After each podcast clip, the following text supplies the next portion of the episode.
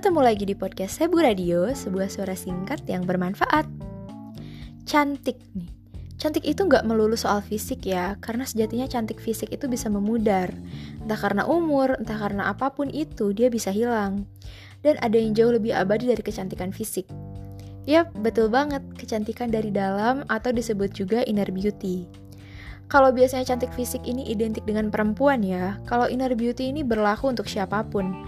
Gak pandang umur, gak pandang gender, semua bisa memancarkan inner beauty.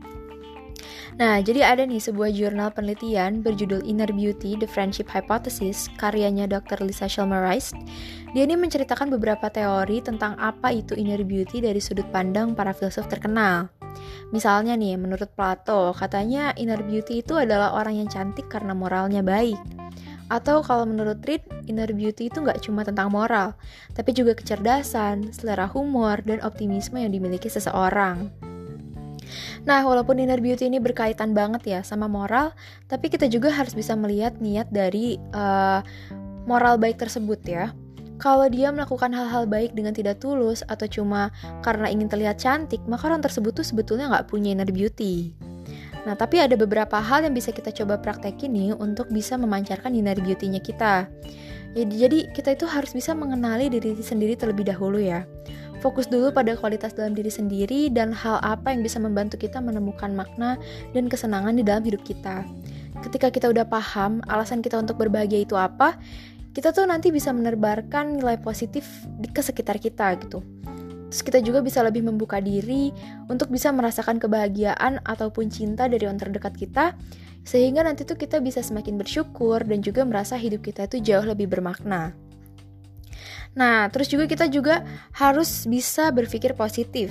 Jadi salah satunya itu uh, bisa memancarkan inner beauty kita ya untuk berpikir positif. Tapi kalau misalnya kita masih susah untuk uh, berpikiran positif gitu ya, kita bisa menerapkan hal-hal seperti uh, menuliskan hal-hal positif tentang karakter diri sendiri yang kita sukai, terus juga bisa memperbanyak senyum, atau kita juga bisa menguatkan rasa percaya diri kita. Dan sebetulnya satu hal yang paling penting ya untuk inner beauty itu adalah untuk menjadi diri sendiri. Sebetulnya banyak nih orang yang diakui punya inner beauty ini, sebetulnya dia tuh jauh dari kata sempurna.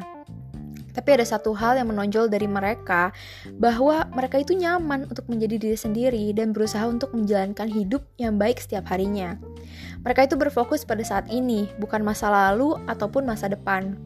Terus juga memperkaya diri dengan berbagai pengalaman baru, relasi baru, dan juga menjadi pribadi yang lebih luas. Nah, dan yang terakhir nih ya, kita juga butuh untuk menantang diri agar bisa tumbuh menjadi manusia yang lebih baik setiap harinya.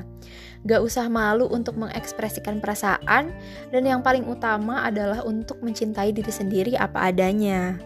So, buang semua pikiran burukmu ya, dan mulailah jalani hari yang indah. Saya Bu Radio, pamit.